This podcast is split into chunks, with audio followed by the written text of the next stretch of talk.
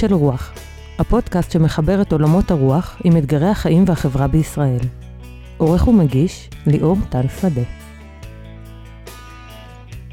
שלום לכם ולכן, קולות של רוח, הפודקאסט מבית עמותת קולות. לפני שניגש לפרק, אני רק אספר לכם שמי מכם שמתבאס מעובדת אה, אה, עשיית יום כיפור בבית, ככה בתוך סגר וכאלה, ושואל את עצמו, שואלת את עצמה איך עושים את זה, אז יש לנו סדנת הכנה ליום כיפור. אז אם אתם שומעים את זה לפני מוצאי שבת שלפני יום כיפור, מוצאי שבת תשובה מה שנקרא, אה, אז תדעו לכם שליאון וינר דאו בשיעור חינמי, זומי, הולך לעשות סדנת הכנה ליום כיפור, ואתם יכולים להירשם אליה באתר קולות, ואם כבר אמרתי את זה, אז אני גם אגיד שאחרי החגים מתחילים כל מיני קורסים פתוחים לקהל הרחב שנמצאים כולם באתר קולות, וביניהם קורס שלי שנקרא דרך עץ החיים, ומי שלא יירשם, תירשם עכשיו, כבר לא יוכל להירשם, אז זה הזמן להיכנס לאתר קולות ולהירשם, ועד כאן הפרסומות, ועכשיו אפשר... לגשת לעניינים. אז אה, אנחנו בתחילת עשרת ימי תשובה, אנחנו האמת מקליטים את זה רגע לפני ראש השנה, רגע לפני הסגר, אתם תשמעו את זה בעשרת ימי תשובה. אה, ואנחנו בפרק מיוחד לעשרת ימי תשובה, אחרי שעשינו גם סדרה מיוחדת לאלול על מושג האשמה.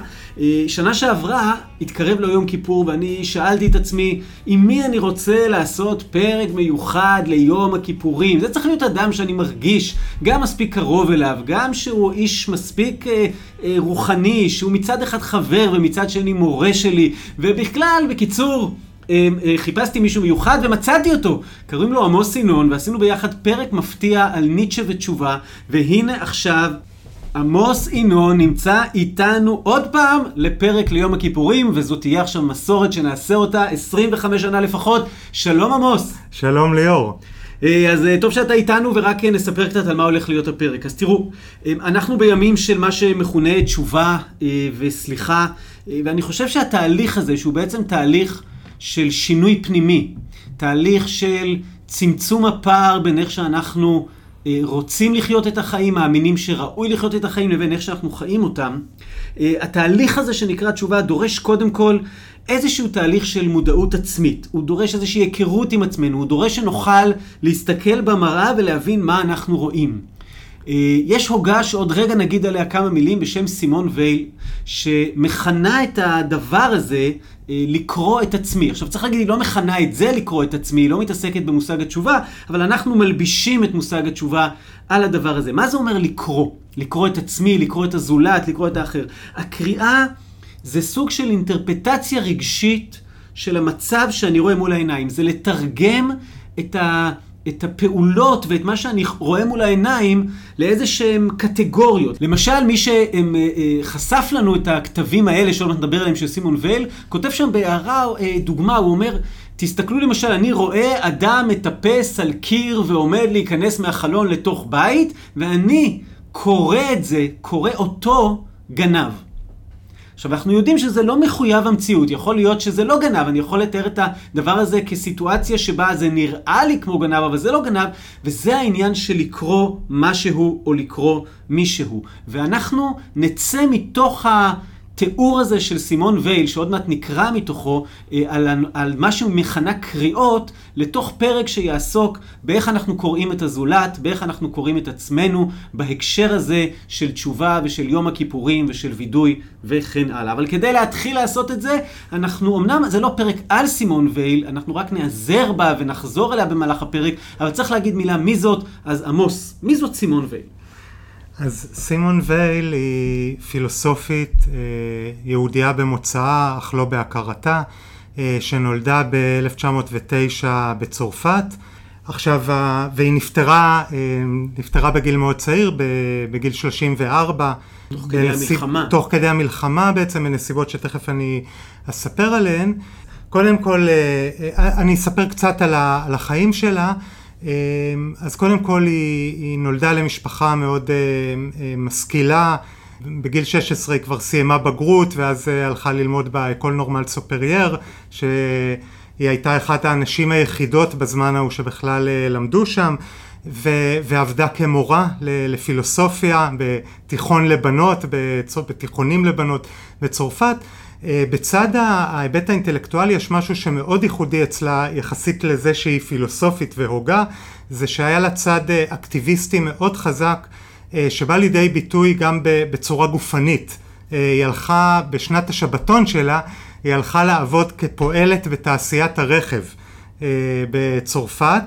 אה, כדי אה, לחוות מקרוב מה חווה פועל.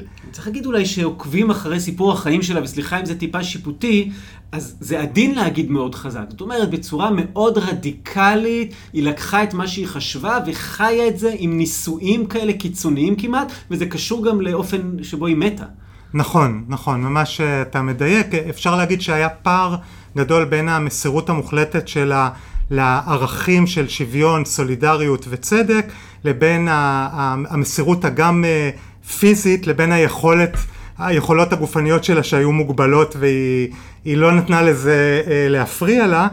אה, אז באמת הנסיבות שבהן היא מתה, היא, היא בעצם ברחה מצרפת לארצות הברית ואז, סליחה, כן, מצרפת לארצות הברית ואז לאנגליה כדי להצטרף לכוחות צרפת החופשית של דה גול. אה, דה גול חשב שהיו לה כל מיני רעיונות אה, מטורפים מטור... לטעמו. לטעמו, ולכן הוא, הוא נתן לה לנסח אה, הצהרת זכויות אדם ולא רצה לצרף אותה לשורות הלוחמים. שם התגלתה אצלה שחפת, ובעצם בנוסף לשחפת, היא נקטה באיזה מין, אני לא יודע איך לקרוא לזה, פרקטיקה, אפשר להגיד, של הרעבה עצמית או של צמצום מאוד מאוד גדול בתזונה מתוך הזדהות עם האנשים שנמצאים תחת הכיבוש הנאצי ורצון לאכול מה שהם אוכלים. השילוב של השחפת ושל התזונה הלקויה גר, גרמו, גרם לזה שהיא נפטרה באוגוסט 43 אה, בגיל צעיר. כן. עכשיו נגיד שבעברית יצאו, אה, אני חושב, רק שני ספרים שלה, אה, הכובד והחסד, שזה הספר שמתוכו אנחנו טיפה נקרא בפרק על הקריאות, ועוד ספר שנקרא האם אנו נאבקים למען הצדק? מבחר כתבים חברתיים ופוליטיים. אביעד חפץ, פרופסור אביעד חפץ הוא אחד מהאורחים שלו וכתב שם אחרי דבר, ואני מאמין שעוד נארח אותו בהקשר הזה אה, פה בפודקאסט. זכיתי אה, להכיר אותו כשהוא אה, בא ללמוד בקולות. ואנחנו מתוך הכובד והחסד והפרק על הקריאות נקרא קצת. אני רוצה להוסיף שאחד הדברים הייחודיים בקשר לסימון וייל זה הסיפור, סימון וייל, הסיפור של התפרסמות הכתבים שלה. אה, היא כתבה, היא כמעט לא פרסמה כלום בחייה, היא כתבה בתוך המלחמה, במין איזה בריחה מתמשכת, אה, גם לפני המלחמה, ובעצם אחרי, אה, אחרי המלחמה פילוסופים, גם חילונים, גם דתיים, קמי בין השאר היה מאוד מעורב ופעיל בהוצאה לאור של הכתבים שלה, הכירו בגדולתה ובחשיבותה ו... והוציאו את הכתבים שלה לאור. הספר הזה הספציפי, הכובד והחסד, הוא מורכב כולו מפרגמנטים כאלה. הצורה שבה היא כותבת זה לא הצורה הרגילה שאנחנו רגילים בה, לא מאמרית כזאתי, ואנחנו נקרא כמה שורות מתוך אה, הפרק שעוסק בקריאות ונצא לדרך משם. הזולת, לראות כל בן אנוש בצלמך כבית אסורים שיושב בו אסיר ומסביבו היקום כולו. אני מדלג קצת צדק, שוב ושוב להיות מוכנים להודות שהזולת הוא אחר מכפי שאנו קוראים אותו, כשהוא לפנינו או כשאנו חושבים עליו. או מוטב לקרוא בו כשהוא אחר בוודאות ואולי אחר לגמרי מכפי שאנו קוראים אותו. כל אדם זועק בדממה להיות נקרא אחרת.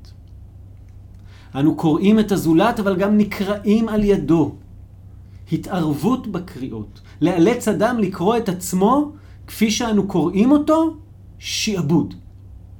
לאלץ אחרים לקרוא אותנו כפי שאנו קוראים את עצמנו, כיבוש. מכניזם. ברוב המקרים, שיח חרשים. טוב, קשה לקלוט את זה בקריאה ראשונה. אני אזכיר פה אולי רק, אה, אה, ככה, בתור שאמרנו שהזולת הוא כאילו יושב בבית הסורים תמיד, אה, שאנחנו צריכים להודות שהוא אחר מאיך שאנחנו קוראים אותו, שבעצם כל אחד מאיתנו זועק שיקראו אותו אחרת ממה שקוראים אותו, אבל גם לזכור כל הזמן שאנחנו לא רק קוראים את הזולת, אלא גם נקראים על ידו, ואז היא אומרת לנו את ההגדרות האלה, לאלץ אדם לקרוא את עצמו כפי שאנו קוראים אותו, ואז בסוגריים שיעבוד, ולאלץ אחרים לקרוא אותנו כפי שאנו קוראים את עצמנו, בסוגריים כיבוש. בואו בוא קצת נפתח את זה מכאן. טוב, אז אנחנו נתייחס בהמשך לדיבור שלה על אילוץ. כן, על אילוץ בקריאות, בקרוב נתייחס לזה, שזה נראה לי מאוד מושך את uh, תשומת הלב, אבל קודם uh, נתייחס גם לעניין פה שהיא היא קושרת בין uh, צדק ועוול לקריאות. היא בעצם uh, בזעקה שלה, או באמירה שלה שכל בן אדם זועק uh, להיות נקרא אחרת, גלומה ההנחה או התפיסה שאנחנו לא קוראים במדויק את ה... לפחות לא את הזולת. יכול להיות שגם לא את עצמנו, אבל בטוח שלא את הזולת. אה, כי אחרת למה הזולת אה, זועק להיות נקרא אחרת? היא מקשרת את זה להטיות, שיש לנו הטיות אישיות, חברתיות, אבל הקריאה שלנו, בו בזמן שהיא לא מדויקת, היא מאוד אה, מכוונת ומשפיעה על היחס שלנו לאחר, ועל הראייה שלנו אותו ועל ההתנהגות שלנו כלפיו. ולכן בעצם אנחנו נמצאים כאן באיזה מין אה, בעיה, במין, אה, אה, אפשר להגיד שסימון וייל עושה אה, פרובלמט, פרובלמטיזציה של ההבנה שלנו את האחר. היא אומרת, אה, כל הצדק והעוול נעוצים, היכולת שלי לנהוג בצדק ולהימנע מעוול, הם תלויים בזה שאני אקרא נכון. אבל, אני מצטט, מי יכול להתיימר שהוא יקרא נכונה? נכון, איך אני, איך אני יכול לדעת שהקריאה שלי את האחר היא נכונה? אה, היא מביאה לדוגמה את ז'אן דארק, כן, שהיום כל האנשים שמעלים אותה על נס, בזמנו בטח היו מוצ... מעלים, מעלים אותה על המוקד יחד עם, ה... עם האחרים. זאת אומרת, אנחנו נמצאים בבעיה תמידית שאנחנו רואים את הזולת, כי האופן שבו אנחנו קוראים אותו הוא כמעט בוודאות לא מדויק. עכשיו, לא שקריאה, לא, לא יודע אם קריאה מדויקת בכלל אפשרית, ולא בטוח שמה שאמרנו הרגע נכון רק לגבי הזולת. זאת אומרת, מאוד יכול כן. להיות שאנחנו בבעיה עם עצמנו, כי האופן שבו אנחנו קוראים את עצמנו, היא אה, אף פעם לא, אה, היא לא תהיה קריאה מדויקת, נכון? זה, מדויק, נכון, ואני חושב שסימון מייל מבטאת את זה, סימון וייל, סליחה, מבטאת את זה אה, במשפט שלה, שהיא אומרת, אה, באהבת הזר כמוך, מובלע היפוכו של דבר אהבת עצמך כזר. כלומר, גם אתה לעצמך אתה זר. אבל בכל הנוגע לעצמך, אה, לא בטוח שיש כאן סוגיה אתית. בנוגע לאחר כן יש, יש סוגיה אתית, ולכן יש איזו קריטיות ביכולת שלנו, אמ, במודעות שלנו לבקר את הקריאות שלנו. לא, לא לתת לקריאות פשוט להיות, אלא להתבונן בהן אה, ו, ולנסות להשתחרר מהם, לרענן אותם, לקחת אותם בסימן שאלה. זה, זה יטיל סימן שאלה על כל התהליך של חשבון נפש וכל התהליך, אבל זה, נגיע לזה עוד מעט. אולי עוד רגע בקשר ליחס לזולת. אני, אם אני מבין אותה נכון, היא אומרת ככה. אם אני עכשיו עושה תהליך עם אדם שבסופו אותו אדם ידע לקרוא את עצמו כפי שאני קורא אותו, בעצם התהליך הזה הוא תהליך של לשעבד את אותו אדם לראייה שלי. ואם אני עכשיו עושה תהליך שבו אני אגרום לך לקרוא אותי כמו שאני קורא את עצמי, כבשתי אותך. בעצם זה, את זה היא מכנה כיבוש. אז כמובן ששיעבוד וכיבוש זה לא מונחים חיוביים אצלה. זאת אומרת, היא רוצה להגיד לנו ככה, תיזהרו מאוד לא רק באיך שאתם קוראים את הזולת, אלא גם בניסיון התמידי שלכם לגרום לו לקרוא את עצמו כמו שאתם קוראים אותו, ותיזהרו מאוד בזה שאתם כל כך רוצים שיקראו אתכם כפי שאתם מאמינים שאתם, שבסוף בסוף אם אתם תגרמו לאדם לקרוא אתכם כפי שאתם מאמינים שאתם, זה סוג של לכבוש את האדם.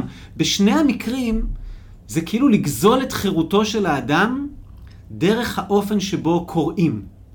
כאילו, אתה, אתה אמרת לי, אה, כש, כשהתכוננו לזה, שבעצם יש לזה גם צד שני, נכון? שבעצם אפשר לראות דווקא כל מאבק לחופש, או חלק מהמאבקים לחופש, כמאבקים על זה שכן יקראו אותי כמו שאני תופס את עצמי. אולי תגיד כן. על זה משהו. כן, אז באמת הפסקה הזאת אה, על השעבוד והכיבוש הם אחת מהפסקאות שעשו עליי רושם גדול וגרמו לי להרגיש שהיא כותבת מתוך איזו השראה ויש לה איזה תובנות מאוד גדולות, אה, אבל השיעבוד, החלק של השיעבוד הוא הרבה יותר קל לקליטה ולהסכמה, כלומר לאלץ אדם לקרוא את עצמו כפי שאנו קוראים אותו, זה נורא מובן לנו שזה שיעבוד. מה שנראה פחות לא, ברור... זה לא תמיד מובן, לפעמים אני חושב שאני ממש מסייע לבן, לחבר שלי שלא מודע לעצמו, ואני כל כך ראי, רואה את הצדדים שבה, שהוא עיוור בהם לעצמו, ואני משחרר אותו על ידי זה שאני גורם לו לקרוא את עצמו כפי שאני קורא אותו, ואני גם מרגיש נורא טוב כשהוא מסכים איתי בסוף, והיא מחדשת לנו ואומרת, לא, לא, זה, זה, זה, אה, זה ממש לא, לשעבד אותו. אני לא בטוח שלזה היא קוראת שעבוד, כי היא אומרת לאלץ אדם לקרוא את עצמו. זה לא אומר שאם אנחנו מדברים, נגיד אני, אנחנו נדבר עליך ואני אציע משהו שאתה לא רואה בעצמך, שזה לא נקרא אילוץ. נכון, אני אבל... אני יכול להציע, ואולי דווקא יש גם חשיבות בזה שאתה ואני, שנינו נהיה חשופים לקריאות אחרות מהקריאות שלנו את עצמנו. אבל לאלץ... אבל זה כי אין בינינו יחסי כוח. יש, יש כן. סיטואציות שבהן האילוץ סמוי, נקרא לזה, ואתה מאלץ באופן סמוי אדם, אתה מוביל אותו למקום מסוים. יש שיגידו שלפעמים פסיכולוגים חוטאים בזה תוך כדי טיפול, כן. ויש שיגידו שמורים חוטאים בזה תוך כדי חינוך וכן הלאה, והורים וכן הלאה. אני, כן, אתה צודק, כי בעצם היא לא מסייגת והיא לא, לא מחלקת ואומרת לאלץ אדם לקרוא את עצמו בקריאה שלילית, זה שיעבוד, אלא בכל קריאה כן. זה שיעבוד, ובהחלט היחסים שתיארת יכולים להכיל גם את, ה, את הדבר הזה. אז אפשר להגיד שגם זה מעורר איזו שאלה. החלק, הדבר השני שאומרת מעורר שאלה אולי עוד יותר גדולה, אה, של לאלץ אחרים לקרוא אותנו כפי שאנו קוראים את עצמנו זה כיבוש, בזמן ש... אה, חושב שחלק גדול ממאבקי החופש אפשר לתאר אותם בצורה הזאת. אנשים, אה, אם אנחנו יכולים לחשוב על מאבק השחורים בשנות ה-60 שהוביל אותו מרטין לותר קינג, לאלץ אחרים לקרוא, לקרוא, לראות אותם כבני אדם שווים, על המאבק הפמיניסטי, על המאבק הלהט"בי. בכל המקרים האלה יש התערבות ב... איך האחרים רואים אותי. אולי נגיד יותר מזה אפילו, ה-PC היום, ה- כן, הפוליטיקלי קורקט של היום אומר ככה, אמ, אדם בתוך קבוצה מסוימת, אדם בעל זהות מסוימת, הוא היחידי שיש לו את הזכות לקרוא את עצמו, ואסור לי להגיד לו מי הוא, נכון? אני, אני צריך כן. לכבד את זה שככה הוא קורא את עצמו, ווייל מאתגרת את זה מאוד, ולדעתי האתגור הזה הוא מצד אחד מעורר שאלות, אבל מצד שני הוא מאוד חשוב לתהליך התשובה. כאילו אומר, אם אני אקבל פשוט את הקריאה שלך, אני גם תוקע אותך. אני תוקע אותך במקום שבו קראת את עצמך. כיבדתי את החופש שלך לקרוא את עצמך, אבל לא אפשרתי לך התפתחות ושינוי. ודווקא אולי אם אני לא מכבד את זה, שאתה אומר לך, לא, סליחה, אני מבין שככה אתה קורא את עצמך, אני לא מקבל את הקריאה הזאת, אני יכול לעורר בך איזה משהו. כן, אני מסכים. אני, אני חושב ש... ברגע שאנחנו מוציאים את זה מהמגרש הפוליטי-חברתי למגרש בין-אישי, אז מיד הכל הרבה יותר מתיישב לנו על, ה, על הלב אה, ועל ההכרה. כשאנחנו נמצאים במגרש הפוליטי עדיין יש כאן איזו שאלה. בעיניי אני, אפשר להגיד, אה, סימון וייל מתארת את, ה, את הדברים האלה כמכניזם. זאת אומרת שאפשר להבין שאם אני מפעיל על הזולת שיעבוד, הוא ינסה לכבוש אותי. Aha. כלומר, הוא ינסה לשלוט על הקריאה שלי אותו. אבל אם אני לא מפעיל עליו שיעבוד, אז אולי לא יהיה לו עניין בכיבוש שלי. אה, אפשר לראות את המאבקים לחופש, המאבקים הפוליטיים לחופש שתיארנו אותם, לא כמאבקים לכבוש את הזולת, אלא להשתחרר משיעבוד. כי, כי בדרך כלל, או כמעט תמיד, מדובר בקבוצות שמפעילים עליהם שיעבוד. כן, אז אולי בעצם אנחנו צריכים לחלק, כמו שהצעת, בין העולם הפוליטי שבו זה כמעט חובתנו לאפשר לאדם לקרוא את עצמו כפי שהוא קורא את עצמו, לבין המפגש שלנו עם האנשים הקרובים לנו ביותר, עם אלה שבאמת, כשאני, כשאני נמצא עם זוגתי, שם אולי אנחנו מצפים למשהו אחר. כן, אני, אני חושב, וכאן זה גם מחבר אותנו אה, לתשובה בצורה מסוימת, כי אפשר להגיד ש, ששני הדברים האלה, זאת אומרת, איך שאנחנו קוראים את האנשים הקרובים לנו ביותר, בוודאי כשאנחנו מדברים על האנשים, אה, על האנשים שגידלו אותנו, כן, על ההורים שלנו, בכל, בתיאוריות הפסיכולוגיות, דמות האב ודמות האם אה, שנמצאים לי בראש, הם ממש ב, בלב של האישיות שלי.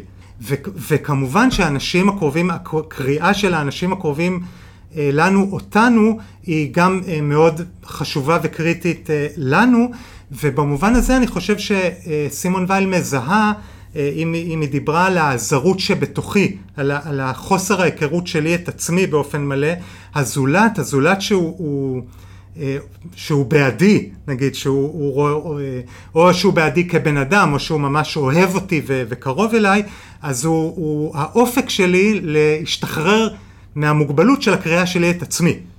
כאילו... ואם אני לא אתן לו את, ה, את החופש הזה, אז אני גם פוגע בעצם בעצמי בצורה מסוימת. זאת אומרת שהזולת בעצם יכול אה, לסייע לי בתהליך שאני עובר על ידי זה שהוא משחרר אותי מהמוגבלות של עצמי, באיך שאני קורא את עצמי. זאת אומרת, אם מצד אחד אה, יש חוצפה מסוימת בלבוא ולהגיד למישהו, אתה לא קורא את עצמך נכון, אז כשמדובר באנשים הכי קרובים אלינו וכשזה נעשה מתוך אהבה, יכול להיות ש, שהאדם זקוק לזה, הוא צריך שמישהו רגע יאיר את עיניו, יציע לו נתיב אחר. אתה יודע שכשיספרס מדבר, עסקנו ביספרס בפרקים האחרונים, והוא מדבר על אשמה מוסרית, הוא אומר אין שום טעם בכלל להאשים מוסרית אדם שהוא רחוק ממני, ואני מדבר מתוך שנאה, ואני אומר הוא עשה, אלא הסיפור של אשמה מוסרית הוא מתעורר על ידי השיח עם הקרובים לי ביותר, אלה שבאמת באמת רוצים בטובתי, אוהבים אותי, ומצביעים לי על האשמה המוסרית שלי, הם פותחים פותחים לי את המבט. זה מאוד קשור לתהליך התשובה, מה שאנחנו אומרים, שבעצם, אם אני מבין נכון את המורכבות של מה שאמרנו, בעוד שצריך מאוד מאוד להיזהר מלשעבד את הזולת ולכבוש את הזולת לקריאות שלי, לקריאות שלי את עצמי ולקריאות שלי אותו, צריך גם לזכור שכשהזולת הוא אדם קרוב אליי, הוא יכול לעשות לי טובה גדולה בזה שכרגע הוא משחרר אותי מהמוגבלות של הקריאה שלי את עצמי. אולי זה קצת מזכיר גם את התפקיד של הזולת בתהליך התשובה אצל רבי נחמן מברסלב, שדיברנו על זה בשנה שעברה, מוזמנים לעיין אה, אה, בפרק הזה, כשנגיד את זה על רגל אחת, שרבי נחמן אומר, כשאני רואה אדם שאפילו נדמה לי כרשע גמור, אני צריך למצוא בו את הנקודות הטובות ולהתבונן בנקודות הטובות, ועל ידי זה שאני מתבונן ורואה באמת את הנקודות הטובות שלו, אני מתחיל לסייע לו לעשות תהליך של השתנות, כי בעצם הוא יכול לאמץ את המבט שלי ולהשתנות דרכו. אז יש פה משהו אולי שמזכיר אחד את השני. כן, אני חושב שזה ממש, ממש מזכיר. אמ, אני גם אה, ככה אגיד, ואפשר להגיד שזה קל להגיד את הדברים שאנחנו אומרים, ובזמן, באופן ממשי, כשאנחנו מתמודדים עם, עם זולת קרוב שקורא אותנו אחר מכפי שאנו קוראים את עצמנו, הרבה פעמים זה מאוד קשה לנו. אה, יש לי חבר אה, טוב, פסיכולוג, עידו גוטול, שכשסיפרתי לו על הפרק שאנחנו עומדים להקליט, אז הוא, הוא דיבר על הקושי שלנו להיפרד מהאופן שבו אנחנו תופסים את עצמנו. האדם כן. כבול לדימוי העצמי של עצמו. כבול לו, הוא תיאר את זה כקשור. אנחנו קשורים לזהות, לזהות העצמית שלנו ונורא לא בקלות. גם השינוי, הוא, אם הוא מאיים על ה... אה, הוא כרוך גם באיזה שינוי זהותי, הוא מאוד קשה לנו. כן, אתה שלחת לי טקסט שבמובנים עמוקים, אני חושב, עוסק בדבר הזה. אולי אה, נקריא את, את הטקסט הקצר הזה, ואנחנו קצת עוזבים את וייל ועוברים כרגע להוגים אחרים. אה, ואת השם שלו אני אף פעם לא מצליח להגיד, הרבי מפיאסנצ'נה? האדמו"ר מפיאסצנה, אה, קלונימוס קלמיס שפירא. הוא אדמו"ר מאוד חשוב במאה ה-20, הוא נרצח בשואה. אה, הוא היה חשוב עוד לפני, לפני המלחמה, הוא ראוי לפרק בפני עצמו, כן. אבל כרגע לא נרחיב עליו, זה מתוך ספר שלו שנקרא בני מחשבה טובה, ספר שנכתב לפני המלח... בין המלחמות. אוקיי, אז הנה משל קצר. כן. ולמה הדבר דומה? לעני המחזר על הפתחים, רחמנא ליצלן, שחלם לו שיעשה מלך. ויהי בבוקר ותתפעם רוחו ויבק ויאמר מים לפרנסת בני ביתי לבד הוא מוכרח לסבב את כל עירו עד שמוצא ביגיעה רבה. והיה עתה כשיתגדל למלך ויצטרך לפרנס את כל חילו וצבאיו לא יספיק לו אף אם יסובב את כל העולם. ועם כוח אבנים כוחו לחזור על כל פתחי העולם לפרנסתם. וכל זהו מפני שמודד את מלכותו במידה של עניות. שיפרנס את כל חליו רק על ידי שיסובב על הפתחים, כמו שמפרנס את בני ביתו בעניותו, רחמנא ליצלן, ואינו יכול לרומם את עצמו מעל אביונותו, שיבין שאז כל אופן פרנסתו תהיה אחרת.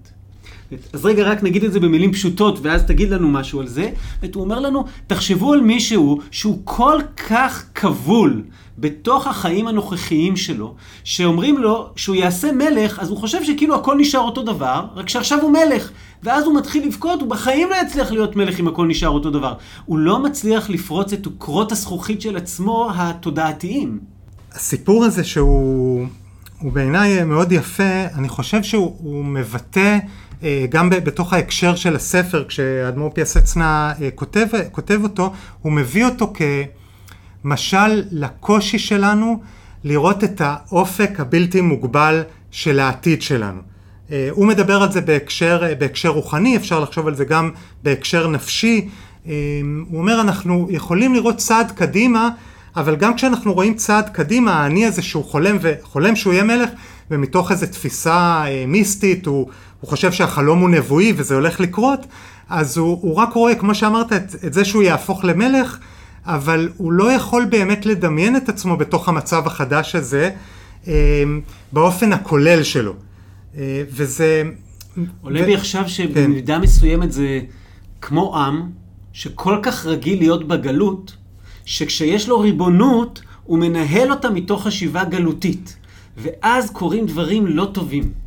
אני לא יכול לחשוב אה, למה אתה מרמז. כן, זה לא, זה לא עם שאנחנו מכירים, אבל כן. זה יכול לקרות כזה דבר באופן תיאורטי. כן, אנחנו כן. ממש כאילו כבולים לאיזושהי קריאה שלנו את עצמנו. זה מאוד מזכיר את הפרשנות של הרב עדין שטיינזלד, זיכרונו לברכה, שנפטר ממש החודש, וחשוב, חשוב להזכיר אותו עכשיו בפודקאסט. עדין שטיינזלד שאולי אחד המנגישים הגדולים ביותר שקמו לעם היהודי, ודאי במאה השנים האחרונות, מנגיש הגדול של התלמוד ושל עוד טקסטים רבים מאוד. פרויקט חיים של הנגשה, ובין היתר הרב עדין שטיינזלץ עסק בהנגשת תפילת כל נדרי.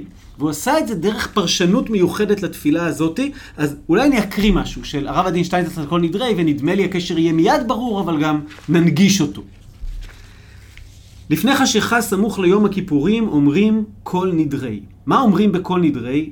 כל נדרי ועשרי וקונמי וכינוסי וכינויי. כל ההתקשרויות, הכינויים, ההשתייכויות, התוויות וההגדרות ששמתי על עצמי, ושאולי אשים על עצמי, כולהון יהון שרן בטלין ומבוטלין. כולם יהיו מותרים בטלים ומבוטלים. מעתה אני משחרר את עצמי מכל אלה, מהעבר וגם מהעתיד. מיום כיפורים זה עד ליום כיפורים הבא עלינו לטובה.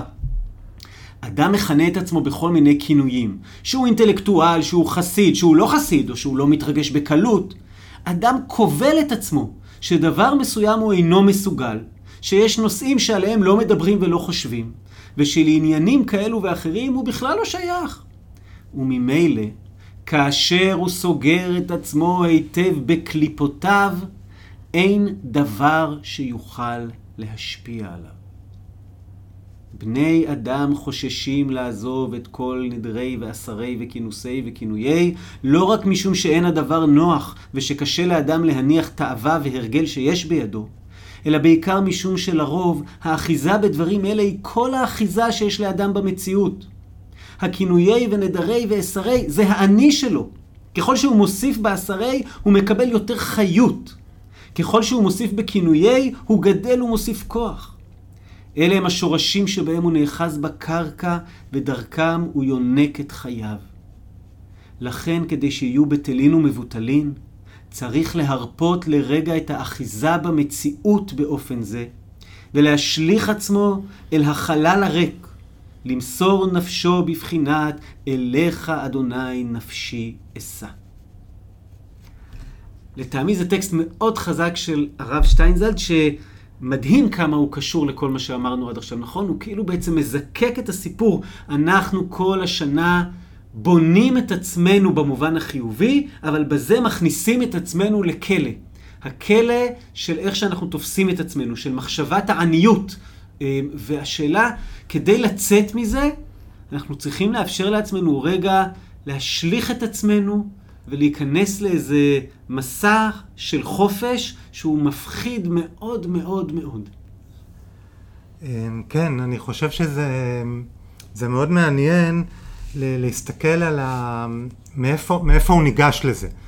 כלומר, בצד מסוים אה, יש, יש קרבה בין מה שהוא אומר לסימון וייל, למה שקראנו מסימון וייל, אה, ונראה ש... ו, ובצד, ויחד עם זה, אה, זה נראה שלמרות הדתיות העמוקה של סימון וייל, אצלה יש משהו שהלהט, החשיבות, הקריטיות של ההתבוננות בקריאות היא, היא יותר אתית.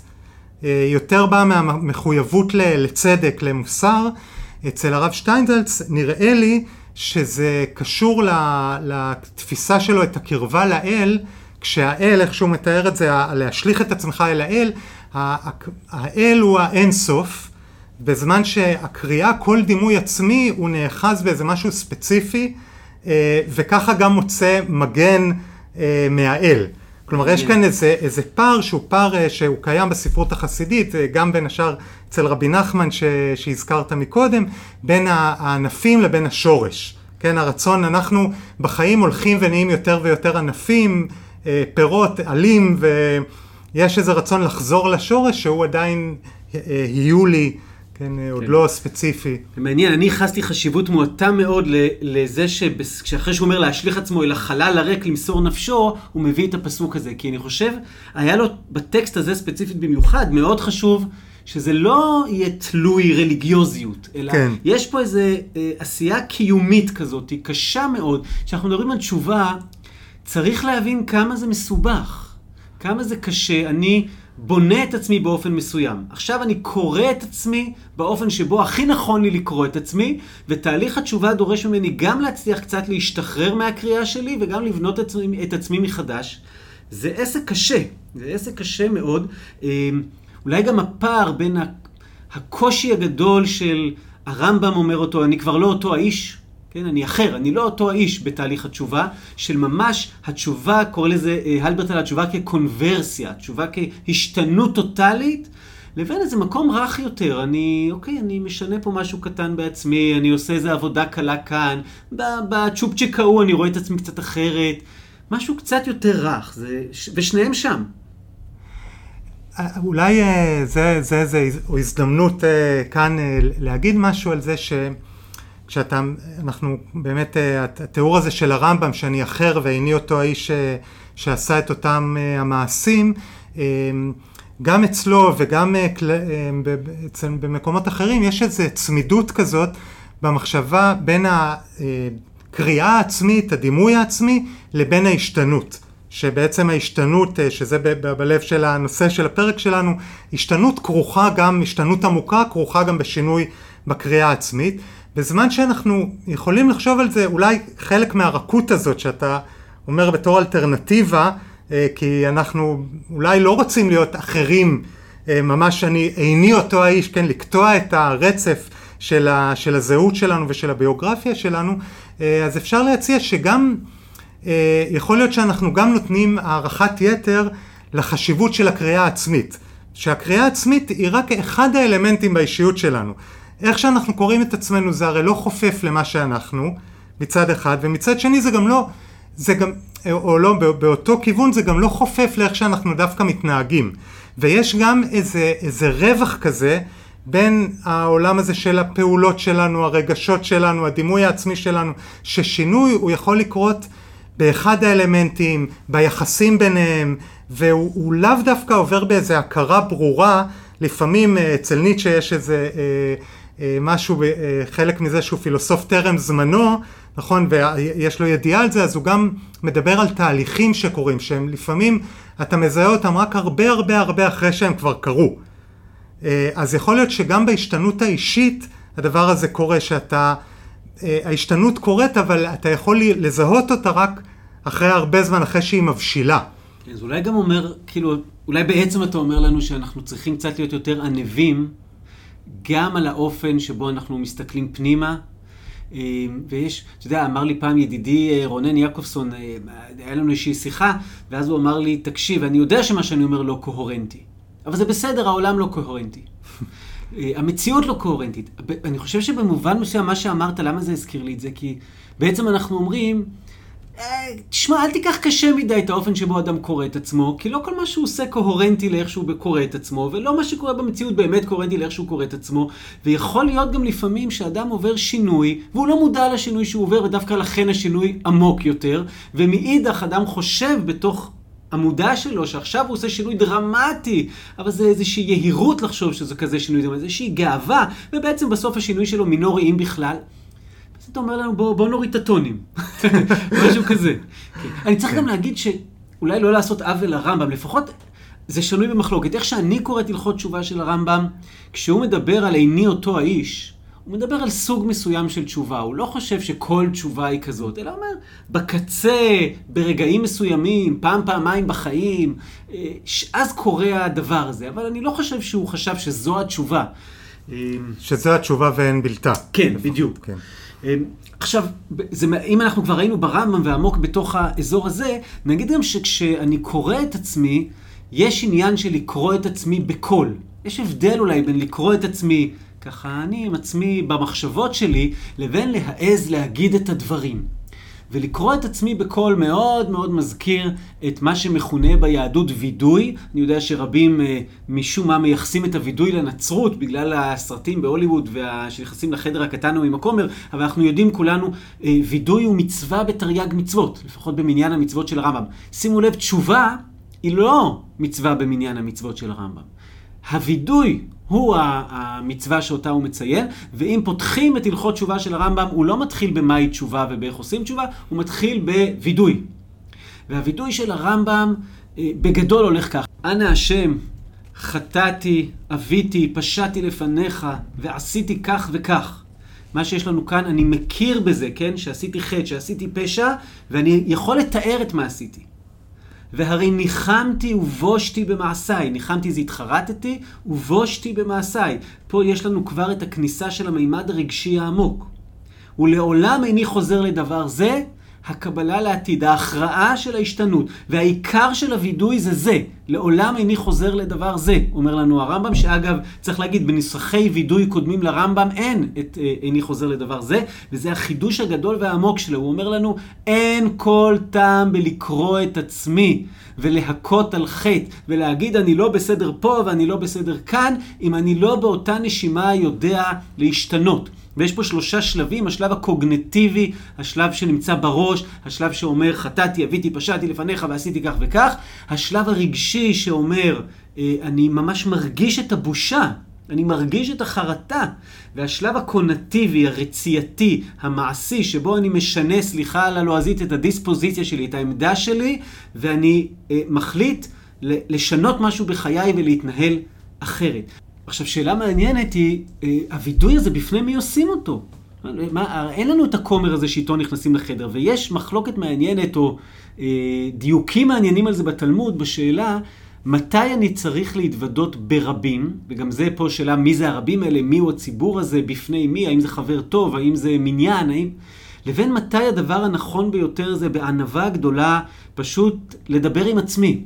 אה, להיות אני מול אלוהי, כן? אה, ללכת לפרדס אם תרצו, ושם להתוודות. אה, וחלק מהדיוקים בתוך הדבר הזה הוא בהבדל בין מצוות שבין אדם למקום, או אם תרצו בחילונית, המקומות שבהם אני מאוכזב מעצמי, אבל זה לא שפגעתי במישהו אחר, לבין המצוות שבין אדם לחברו.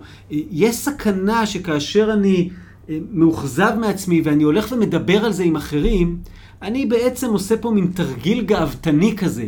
תראו איזה בסדר אני שאני יכול להתוודות על הדברים האלה, ואולי יש דברים שצריך, הצנעה יפה להם, שהבושה אפילו יפה להם, שאם אני באמת מתבייש זה לא נכון ללכת אה, אה, להגיד בציבור. אולי אם חטאתי למישהו בציבור, אז נכון להתוודות על זה בציבור. כי אני כאילו משיב לו, אני מבקש סליחה בציבור. אבל אם חטאתי לו בצנעה, אולי נכון לעשות את זה בצנעה. אני חושב שיש כאן רגישות אה, מעניינת אה, לכמה דברים, כלומר גם ל, אה, למקום הזה של מה ראוי, אה, מול אלוהים, מול בני אדם אחרים, אה, וגם אה, למקום של הכוח הגדול של החברה אה, בכינון של הזהות שלי. זאת אומרת, אה, זה אולי קשור לפרק שנדמה לי ש... אה, עשית על תשובה על התשובה של רבי נחמן. כן, פרק עם דודו ליברמן, כן. מוזמנים לחפור אחורה. כן, כן, אז יש שם בתורה הזאת יש התייחסות לכמה זה מסובך, כמה זה ממלכד, כן, לעשות, לעשות באמת תשובה. ואני חושב שבדיון הזה על בפני מי אני מתוודה, יש הכרה שמצד אחד להתוודות בפני החברה זה דבר אפקטיבי. זה דבר שהחברה היא חלק ממה ש... איך שהחברה רואה אותי, זה חלק ממה שמכונן את הזהות שלי. אם אני מסוגל להתוודות על משהו, על אה, בעיה שיש לי, על קושי, על פגם בפני החברה, יש לדבר הזה משמעות מאוד גדולה. ומצד שני, החברה היא גם זאת שמרחיקה אותי מה, מהאותנטיות או מהתפיסה הכנה שלי את עצמי, מהיכולת שלי להיות ישר עם עצמי, ויש סכנה מאוד גדולה, כמו שתיארת, זה שאני אעשה שימוש משני בווידוי, והוא יהפוך להיות בעצם אמצעי למשהו אחר, בין השאר לגאווה. זאת אומרת, איפשהו אנחנו אה, מחפשים את עדינות הנפש ואת הכנות הפנימית. אם אדם אה, הוא ציני, ומה שהוא רוצה זה להשתמש בכל התהליך הזה של יום כיפור אה, לצרכים חברתיים, אז נראה לי הוא לא מקשיב כרגע לפרק, ואם הוא מקשיב זה לא מעניין אותו, לא יודע. אבל... אבל העדינות הזאת היא שנזהרת מהמלכודות שאנחנו עצמנו הרבה פעמים עיוורים אליהן. אנחנו בכנות רבה רוצים להיות אותנטיים, אבל אנחנו עושים את זה באופן שיש בו איזה חוסר רגישות, איזו גאווה, איזה חוסר הבנה שלנו את עצמנו, חוסר הבנה שלנו את הזולת. אנחנו רוצים לעזור לזולת ובסוף אנחנו יוצאים פוגעים בו. יש לזה המון סיפורים תלמודיים בהקשר של סליחה. כאילו נדרשת פה... איזושהי אה, עדינות הנפש שכזו, אני יודע. אני, אני אעז ואגיד, למרות שבדרך כלל אני נמנע מהדברים האלה, אני ראיתי תמונה שהזדעזעתי ממנה היום. אה, אה, השר איציק שמולי נותן מין מנות מזון כאלה שזה, והוא שם מדבקה, נארז על ידי השר לכך וכך, איציק שמולי, והוא כותב על זה פוסט בפייסבוק, שכן, אני ארזתי להם, אני עשיתי להם ושמתי לכם מדבקה שידע. כאילו היפוכו של עולם בכל העדינות והרגישות והצנעה שנדרשת בכל הסיפור הזה של לסייע לאדם אחר ערב החג. אה, והוא עוד השר שאחראי על התחום הזה, כן? אז סליחה, סליחה, אבל אני הרגשתי שזו תוכחה שצריך להגיד אותה, היא הולכת איתי. אמ, אני חושב שזה מאוד חשוב שאתה מעלה את זה, אמ, ונראה לי שזה דורש, אה, הרי אנחנו מכירים את זה במסורת שלנו, את המתן בסתר. מה שדיברת על, מקודם על העדינות, זה אומר שגם מתן בסתר אפשר להפוך לסיסמה, נכון? אפשר לנופף בו, ויש איזו אה, הבנת עומק שדרושה להבין למה, למה המתן בסתר. המתן בסתר, הצד הפשוט שלו זה כדי לא לבייש את המקבל. אבל יש צד שהוא גם קשור ליחס של הנותן עם עצמו. יש אה, קטע נורא יפה שסימון וייל מר, מ, אה, מרפררת אליו בברית החדשה, ש, שישו מדבר על זה, אני אומר עכשיו מהזיכרון, ש, שכשאתה נותן, ששמאלך לא תדע מה ימינך עושה.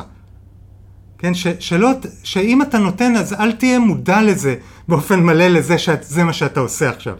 כן, כן וזה אולי המקום המודעות המוגזמת לנתינה יוצרת גאווה פנימית, ואז זה יוצר אדנות, ואז זה יוצר את האופן שבו אני אתייחס. זה, זה לא באמת הלאה. נתינה, חלק מה... זה, זה קשה גם לדבר על נתינה, אני חושב שיש בזה איזה... סכ... בכלל כשמתחילים לדבר על זה זה מסוכן, אה, אבל יש שם איזה עדינות שבה, אה, נדמה לי שגם את זה סימון וייל אומרת באיזה קטע אחר שלה, שבעצם, ה... ובכלל משהו שאנחנו מכירים אותו שם, הנותן מקבל יותר מהמקבל. אבל כשהנותן באמת ירגיש את זה, אה, זה דורש אולי אה, יכולות וזה רגישויות אה, רוחניות גבוהות, נגיד ככה. שגם זה איזה גאווה, כן. אי אפשר לברוח מזה. כן. טוב, אז אחרי שלא הצלחנו לברוח, כן. אני חושב שנסיים בשיר, אבל נדבר על השיר הזה, אוקיי? אז תרצה להקריא לנו את השיר שהבאת. אני מאוד אשמח. אוקיי, okay, אנחנו מדברים על שיר של uh, פרננדו פסואה, שהוא, גם הוא, אם תרצה אפשר לעשות עליו uh, פרק uh, בפני עצמו, משורר וסופר uh, פורטוגלי בסוף מאה ה-19, תחילת uh, מאה ה-20. Uh, לא אכנס לסיפור חייו שהוא סבוך uh, ומפותל. Uh, ואני, ובעצם השיר שאני הולך לקרוא הוא קצת כקונטרה uh, ל, ל, לדברים, אה, או אולי נותן עוד איזה איזון לדברים שאמרנו על הצורך שלנו לשנות את הקריאה העצמית שלנו, להשתנות מזהות אחת לזהות שנייה, ממהות אחת למהות אחרת, ואני קורא את, ה, את השיר שנכתב במקור בפורטוגזית. אה, ותורגם על ידי יורם מלצר. אני אסיר נמלט. מיד כשנולדתי נעלו אותי בתוכי, ובכל זאת ברחתי. אם בני האדם מתעייפים מלהיות במקום אחד, כיצד לא יתעייפו מלהיות אדם אחד? נפשי מחפשת אותי, אבל אני מהלך בהרים. הלוואי שהיא לא תמצא אותי לעולם. להיות אחד זה בית סוהר. להיות אני זה לא להיות. אני אמנם חי ובורח, אבל אני חי בהחלט. מקסים. תגיד משהו, תגיד משהו על זה. אה, כל השיר הזה הוא, הוא עוד פעם מאוד קשור לביוגרפיה של אה, פסואה, לסיפור של פסואה שברא לעצמו עשרות זהויות שונות שהתקיימו כולם רק אה, באופן ספרותי ונסתר והתגלו רק אחרי מותו, אבל בשיר עצמו, במה שהוא מבטא, הוא, אני חושב שהוא מבטא איזה רצון לחמוק מכל זהות. זאת אומרת, לא, גם השינוי מזהות אחת לזהות אחרת הוא עדיין קבילות לזהות. ויש כאן איזה רצון, הרצון אה, לשחק בזהויות כדי לא להיות בעל זהות. זהות זה, זה בית כלא, אנחנו חוזרים למה שפתחנו איתו, של הדימוי של אה, כן, סימון וייל. זו חזרה רדיקלית, זה כאילו כן. מפרק כבר את הכל, זה מין דה-קונסטרוקציה של כל עולם הזהות. אנחנו, אם אמרנו, כל הזמן שאלנו את עצמנו, איך נכון לקרוא את עצמי, מי יכול לקרוא אותי, איך אני צריך להתאים את הקריאה שלי לקריאה של הזולת, האם אני צריך לשנות את הקריאה שלי. במובנים רבים בעצם אמרנו ש... שמה זה תשובה? זה לקרוא את עצמי, לעשות שינוי, או לקבל החלטה לשינוי, ואז לקרוא את עצמי מחדש אחרת. ואתה פתאום מציע, דרך השיר הזה, אתה אומר, אולי התהליך האמיתי הוא להפסיק לקרוא את עצמי כל הזמן? אולי התהליך האמיתי הוא לאפשר לי להיות כל יום דבר אחר? יכול להיות. אמ, אני חושב שאין לנו דרך לחמוק מאיזה אה, צורך שלנו, אנחנו מאוד עסוקים בעצמנו ובין השאר בתפיסה שלנו את עצמנו, וגם פסואה כדי לחמוק מה, מהכלא הזה הוא היה צריך ליצור לעצמו גלריה של זהויות אלטרנטיביות חלופיות, אה, כלומר הוא לא היה יכול פשוט להניח את הזהות בצד. אה, הייתי רוצה להוסיף עוד משהו לדבר הזה ולהזכיר פה את ז'אנה מרי, ש, שלא נרחיב עליו עכשיו את הדיבור, פילוסוף יהודי בלגי, ניצול שואה. אה, ולא יש אה, מסה שבו הוא אומר שנקראת לכמה מולדת זקוק האדם, והוא מדבר על זה שנדמה אה, לי במסה הזאת, אולי במסה אחרת, הוא אומר, אם יש לך זהות, אתה יכול גם להשליך אותה. אבל אם אין לך זהות, אם עקרו את הזהות שלך, אתה כל חייך תילחם כדי לרכוש אותה. וזה, חשוב לזכור את זה שכשאנחנו מדברים על זה, אנחנו בעצם, אולי זה פריבילגיה למי שיש לו זהות, למי ששלם עם איזה זהות שלו, אין לו קושי גדול עם הזהות שלו. כן. כשיש קושי גדול, כש... יש מלחמה על הזהות, זה כבר סיפור אחר לגמרי. אני מאוד שמח שאתה אומר את זה, כי, כי אני, אני באמת מרגיש חוסר נוחות עם הניסיון להיפטר מזהות. אני מרגיש שאנחנו מביאים איתנו דברים חשובים לעולם כשאנחנו מגבשים את זהותנו. יש בעיה כשאנחנו רוצים שכולם יהיו בזהות אחת, יש בעיה כשאנחנו רוצים שכולם יקראו אותנו כפי שאנחנו קוראים את עצמנו, כל מה שדיברנו במהלך הפרק, יש משהו חשוב אה, בעולם של הזהות, והתשובה, אני חושב, מאפשרת לנו את ההתבוננות. אבי רביצקי תיאר את זה פעם, שהוא אומר, אני כל יום כיפור נפשי יוצאת רגע מעצמי, עולה לקומה מעל, ומתבונן באבי שמהלך לו שם בקומה מתחת, ואחרי זה אני חוזר אליה ויכול לעשות שינויים. כאילו, היא מאפשרת לנו את המהלך היפה והעדין הזה, כל עוד נדע לעשות אותו ביופי ובעדינות, וגם לא לכפות אותו על הזולת באופן אה, אה, גס מדי. אה, עמוס! ליאור. מה נאחל? זה שנה חדשה מתחילה, יום כיפור בפתח, עשרת ימי תשובה. מה, מה אומרים? סגר, קורונה, אה, מה, מה אומרים? אה, שאלה טובה, אני בשנה שחלפה, בחודשים האלה שחלפו, שמאז שהתחילה הקורונה, אני מצא, מצאתי את עצמי חוזר ועוסק ומלמד הרבה על, על הפנים אל פנים. ואני, אז אני מאחל, מאחל לנו שתהיה לנו שנה של פנים אל פנים. בזום או פנים אל פנים? פנים אל פנים ואולי גוף אל גוף. תודה רבה, עמוס ינון, תודה, תודה, תודה, ליאור. תודה. אה, ותודה לכם ולכן, ואיחולים מכל הלב לשנה טובה. ומי שמאמין בלהיחטא ולהיחתם, אז לחתימה טובה. אה, ושנצליח אה, לקרוא את עצמנו כמו שאנחנו, שיעשה לנו טוב, אני יודע. תודה. תודה. שנה טובה. שנה טובה.